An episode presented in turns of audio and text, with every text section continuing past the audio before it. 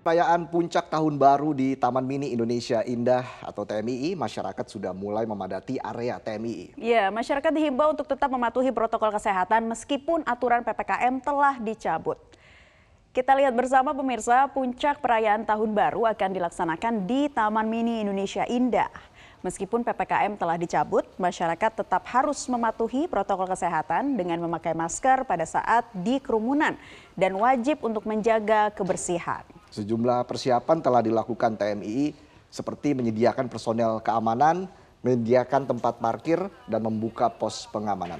Direktur TMII Emilia Eni Utari mengatakan persiapan dilakukan untuk mengantisipasi jika ada peningkatan pengunjung.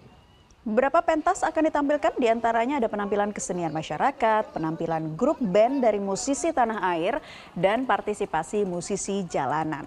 Pada puncak acara akan ada pertunjukan kembang api. Sementara rangkaian acara akan dilaksanakan di beberapa titik Taman Mini Indonesia Indah seperti Panggung Budaya Danau Archipelago, Plaza Patung Kuda, Plaza KTT Non Blok, dan Plaza Utara Gedung Pengelola. Ya kita semua sudah preparing semua ya baik itu untuk di pintu masuk, keamanan, semua kegiatan wahana, dan juga untuk malam hari pergantian tahun kita bekerja sama juga dengan Pemprov DKI ya. Jadi semua ini kita uh, persiapkan secara matang sehingga untuk para pengunjung yang akan datang ke Taman Mini nantinya semua sudah bisa merasakan uh, pelayanan kami uh, tidak mengecewakan. Untuk kenyamanan masyarakat dan antisipasi terjadinya kebakaran, Polda Metro Jaya dan Polda Jawa Barat melarang adanya pesta kembang api saat malam pergantian tahun. 23 ribu lebih personel Mapolda Metro Jaya dikerahkan untuk mengamankan jalannya malam pergantian tahun yang diselenggarakan pemerintah maupun pihak swasta. Kapolda Metro Jaya Irjen Pol Muhammad Fadil Imran mengaku sudah mengantisipasi adanya kemacetan lalu lintas di beberapa titik, gangguan Kamtipmas, hingga potensi terjadinya bencana alam. Ya, selain itu Polda Metro Jaya juga melarang adanya pesta kembang api di sepanjang Jalan Sudirman Tamrin guna keamanan masyarakat dan antisipasi terjadinya kebakaran. Dari sepanjang Sudirman Tamrin ada tujuh titik panggung stage kita juga sudah siapkan. Kemudian bersama Pak Gubernur kita di uh, Taman Mini dan masing-masing Polres bersama para wali kota ada titik-titik yang akan diamankan seperti yang saya sampaikan tadi kita merayakan dengan penuh kegembiraan tapi juga harus melihat sisi-sisi kemudaratannya lah ya. Jadi kami melarang penggunaan petasan dan kembang api di Sudirman Tamrin. Jadi kami melarang penggunaan petasan dan kembang api di Sudirman Tamrin. Hal serupa juga dilakukan di lokasi malam tahun baru di Bandung. Kabit Humas Polda Jawa Barat menyampaikan penggunaan kembang api saat malam pergantian tahun tidak boleh dilakukan tanpa pengawasan langsung dari pihak kepolisian. Kembang api yang boleh digunakan juga harus berdiameter di bawah 1,6 cm.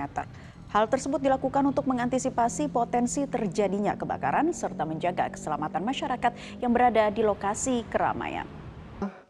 Wahana wisata air menjadi pilihan menarik bagi warga Bekasi untuk mengisi waktu liburan di akhir tahun.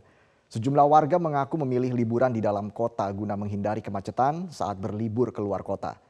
Wahana air Transera Waterpark Harapan Indah mulai dipenuhi warga yang hendak menikmati liburan akhir tahun pada hari Sabtu. Mayoritas wisatawan yang berkunjung merupakan warga Bekasi khususnya dan warga sekitar Jadetabek. Wahana wisata air di kawasan ini dipilih warga selain karena tempatnya yang luas juga memiliki beragam wahana yang bisa dinikmati pengunjung. Pihak pengelola wahana mengungkap bahwa pada libur Nataru ini terjadi peningkatan pengunjung oleh karena itu pihaknya menyiapkan sejumlah wahana baru serta pertunjukan. Kita ke informasi lain pemirsa, meski PPKM telah dicabut oleh Presiden, Wakapolri Komjen Pol Gatot Edi Pramono mengingatkan wisatawan untuk tetap menjaga protokol kesehatan dan tetap memakai masker saat berada di pusat keramaian. Untuk memastikan pelaksanaan libur Natal dan Tahun Baru berjalan aman dan lancar, Wakapori, Komjen Pol Gatot Edi Pramono bersama pejabat utama Mabes Polri melakukan peninjauan pengamanan di Gereja Katedral dan ruas jalan di Bandung. Polisi bekerja sama dengan unsur lainnya akan memberikan pelayanan dan pengamanan saat malam pergantian tahun. Selain itu, kepolisian juga mengingatkan wisatawan untuk tetap menjaga protokol kesehatan saat berada di pusat keramaian ataupun tempat wisata, meski PPKM telah resmi dicabut oleh Presiden. Bagi warga atau wisatawan yang belum melaksanakan vaksinasi, untuk segera vaksinasi, polisi menyiapkan gerai-gerai vaksinasi di lokasi wisata maupun pusat keramaian selama perayaan libur Natal dan Tahun Baru. Berharap ya perayaan Natal tahun 2022 dan uh, tahun baru 2023 ini akan penuh dengan kedamaian dengan sukacita oleh seluruh uh, masyarakat. Tadi siang Bapak Presiden sudah menyampaikan sudah mencabut PPKM, tapi tetap kita juga waspada dan hati-hati di keramaian, masih menggunakan masker. Dan bagi yang belum uh, booster, vaksinasi terus kita galakkan. Kawasan objek wisata Pantai Selatan Kabupaten Gunung Kidul, Yogyakarta belum ada kenaikan signifikan kunjungan wisata. Cuaca buruk menjadi salah satu faktor sepinya hmm. kunjungan wisata. Ya, jumlah kunjungan wisata di Gunung Kidul tahun ini defisit 1 juta wisatawan dari target 3,8 juta wisatawan. Ini menjelang pergantian tahun, kunjungan wisata ke Kabupaten Gunung Kidul daerah istimewa Yogyakarta belum menampakkan kenaikan yang cukup signifikan.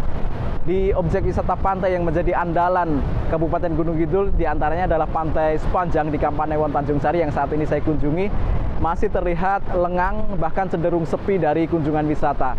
Hal ini berbeda dibandingkan waktu yang sama pada libur Nataru tahun lalu yang cukup banyak menjadi salah satu destinasi wisata keluarga saat libur Natal dan Tahun Baru.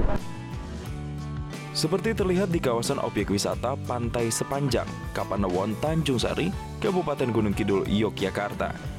Menjelang pergantian tahun, belum terlihat kenaikan jumlah kunjungan wisata secara signifikan. Suasana pantai juga masih lengang, bahkan cenderung sepi. Hal ini cukup berbeda dengan periode waktu yang sama tahun lalu. Kondisi cuaca diperkirakan menjadi penyebab belum terlihatnya kenaikan jumlah kunjungan wisata pada libur Nataru tahun ini. Meski kondisi gelombang cukup normal sekitar 5 kaki, namun tingginya curah hujan membuat banyak wisatawan beralih ke objek wisata selain wisata alam, termasuk pantai.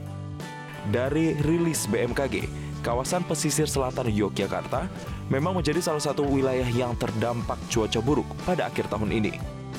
Dari data Dinas Pariwisata Gunung Kidul, diprediksi kunjungan wisata selama libur Nataru hanya sekitar 300 ribu pengunjung meliputi seluruh destinasi.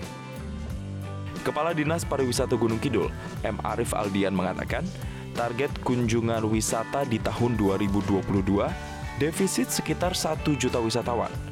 Pertanggal 29 Desember kemarin, jumlah kunjungan ke Gunung Kidul hanya berkisar 2,7 juta wisatawan dari target 3,8 juta wisatawan.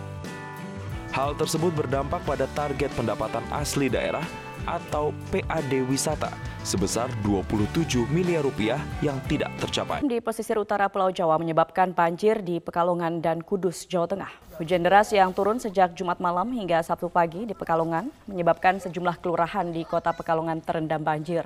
Banjir kali ini tidak hanya melumpuhkan aktivitas warga, namun juga menyebabkan sejumlah warga mengungsi dan meninggalkan rumah karena banjir makin tinggi. Warga khawatir hujan yang masih turun menyebabkan banjir akan berlangsung lama. Selain merendam permukiman warga, banjir juga menyebabkan ganda rel kereta api di kota Pekalongan terendam banjir.